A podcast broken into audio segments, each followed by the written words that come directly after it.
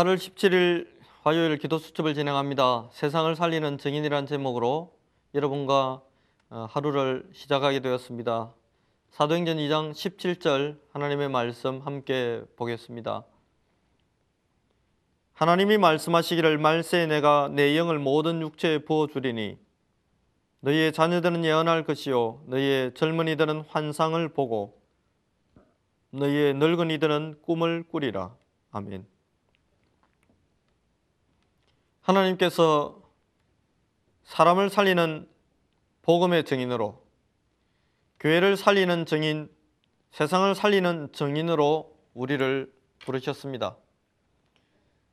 그런 하나님의 부름을 받은 우리들은 하나님 나라의 비밀을 남기고 또 전하고 알리는 그런 증인이 되어야 하겠습니다. 하나님의 나라가 임한다는 말은 하나님께서 하신 말씀이 성취된다는 말씀이고 그 이름으로 역사하시는 성령께서 저와 여러분이 현장에 일하신다는 말씀이며 주의 천사를 보내 하나님의 역사를 이룬다는 것입니다. 이런 하나님 나라의 비밀을 남기고 전달하는 것이 무엇보다 중요합니다. 이 비밀 속에 사단의 왕국이 무너지고 흑암이 결박되는 응답이 있기 때문입니다. 첫 번째, 만나는 사람에게 알릴 하나님의 나라입니다. 하나님은 저와 여러분의 스케줄과 만남 속에 굉장한 응답의 계획을 갖고 있습니다. 내가 만나는 모든 사람이 하나님의 나라가 임해야 되는 대상입니다. 내가 만나는 사람은 딱 두 종류가 있습니다. 하나님 나라가 임한 사람, 하나님 나라가 임하지 않은 사람. 하나님 나라가 임한 비밀을 가졌던 요셉을 보면서 사람들은 요셉의 삶과 요셉의 생활 속에서 요셉의 모습에서 하나님의 나라, 하나님을 발견할 수 있었습니다. 여호와께서 요셉과 함께 하셨다. 그 말은 요셉의 증언이 아니라 보디발의 눈에 그렇게 보였다는 말씀입니다. 이런 하나님의 나라가 보이고 느껴질 때 참된 치유가 시작됩니다. 사람에게 있어서 이 하나님 나라의 임재 비밀이 없으면 조급, 불안, 염려, 초조, 우울, 불신으로 가득 찰 수밖에 없습니다. 하나님의 나라가 임하고 영적인 배경이 회복되면 이러한 개인적인 문제로부터 완전한 자유를 얻을 수가 있습니다. 오히려 문제와 사건 속에서 참된 여유를 가질 수 있게 됩니다. 그래서 어떤 것도 이길 수 없는 어떤 세력도 이길 수 없는 하나님 나라의 비밀이 지금 전달되어져야 하겠습니다. 만나는 사람에게 하나님의 나라의 비밀을 알리려면 지금 저와 여러분이 이 하나님 나라의 비밀을 누리면 됩니다. 두 번째입니다. 세상에 알릴 하나님의 나라입니다. 세상은 지금 각종 살인과 고통과 사건과 문제로 신음하고 있습니다.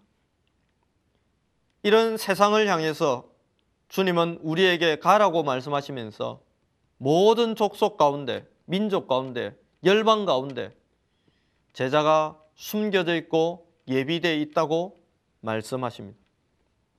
또한 세상 모든 만민에게 가서 이 복음을 전파하라고 하셨습니다. 우리가 복음을 가지고 움직이면 주의 이름으로 귀신이 꺾여져 나갈 것이라고 분명히 약속하셨습니다.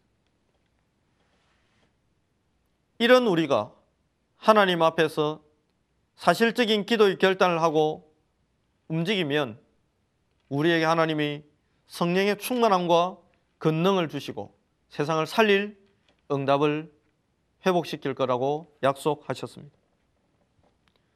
보좌에 앉으신 이 주님이 지금 성령과 능력으로 우리와 함께 하시면서 세상 끝날까지 동행할 것을 약속하셨습니다. 이러한 하나님 나라가 세상 가운데 임하는 중요한 지교회의 응답들이 여러분에게 회복되기를 원하고 또 만남 가운데 회복되는 팀 사역, 가정에 임하는 미션업, 여러분의 전문성에 임하는 전문교회의 축복이 있기를 바랍니다. 세 번째, 지금 이루어질 하나님의 나라입니다. 하나님의 나라의 비밀을 저와 여러분이 정상적으로 누리고 있으면 우리 교회들이 지역을 대표하는 시대를 대표하는 대표적인 교회로 자리매김하게 될 것입니다. 이 말은 사도행전에 나타났던 생생한 초대교회의 응답이 우리의 응답이 될 수 있고 또 되어진다는 말씀입니다. 사람이 막을 수 없는 불가항력적인 역사가 나타나기 시작하면 제도와 교권으로는 막을 수가 없습니다. 사람의 능력으로 막을 수 없는 응답이 나타나게 되고 이때 전 세계를 향한 전도의 문이 열리며 말씀은 성취되고 성취되는 말씀을 따라 현장이 변화되고 현장이 변화되면서 제자가 일어나는 중요한 응답들이 지속될 것입니다. 둘째로 전 세계 우리의 모든 후대가 하나님 나라를 볼 수 있게 됩니다.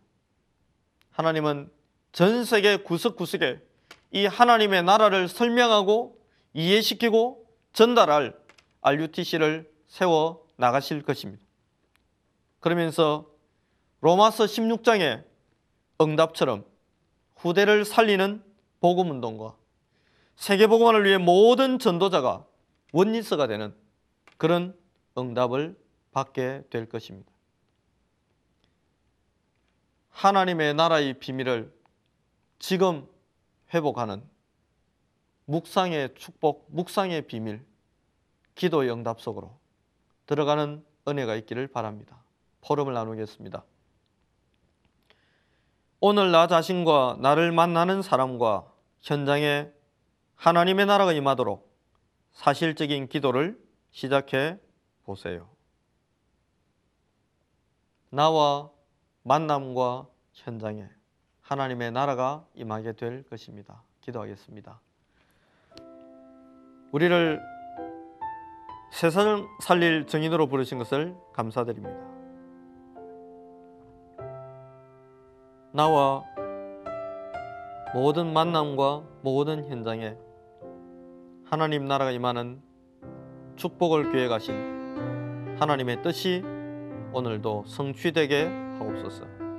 감사드리며 살아계신 예수님의 이름으로 기도합니다. 아멘.